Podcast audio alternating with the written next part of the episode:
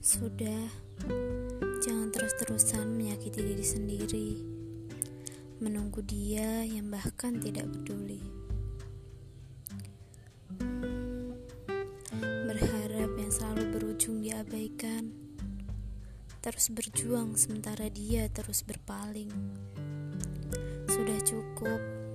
Sadarlah, kau bukanlah tujuan baginya. Sudah cukup kau menyakiti perasaanmu.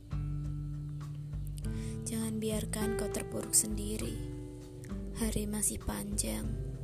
Perjuanganmu bukan hanya masalah rasa cinta, tapi masih ada orang tua yang menantimu untuk dibanggakannya.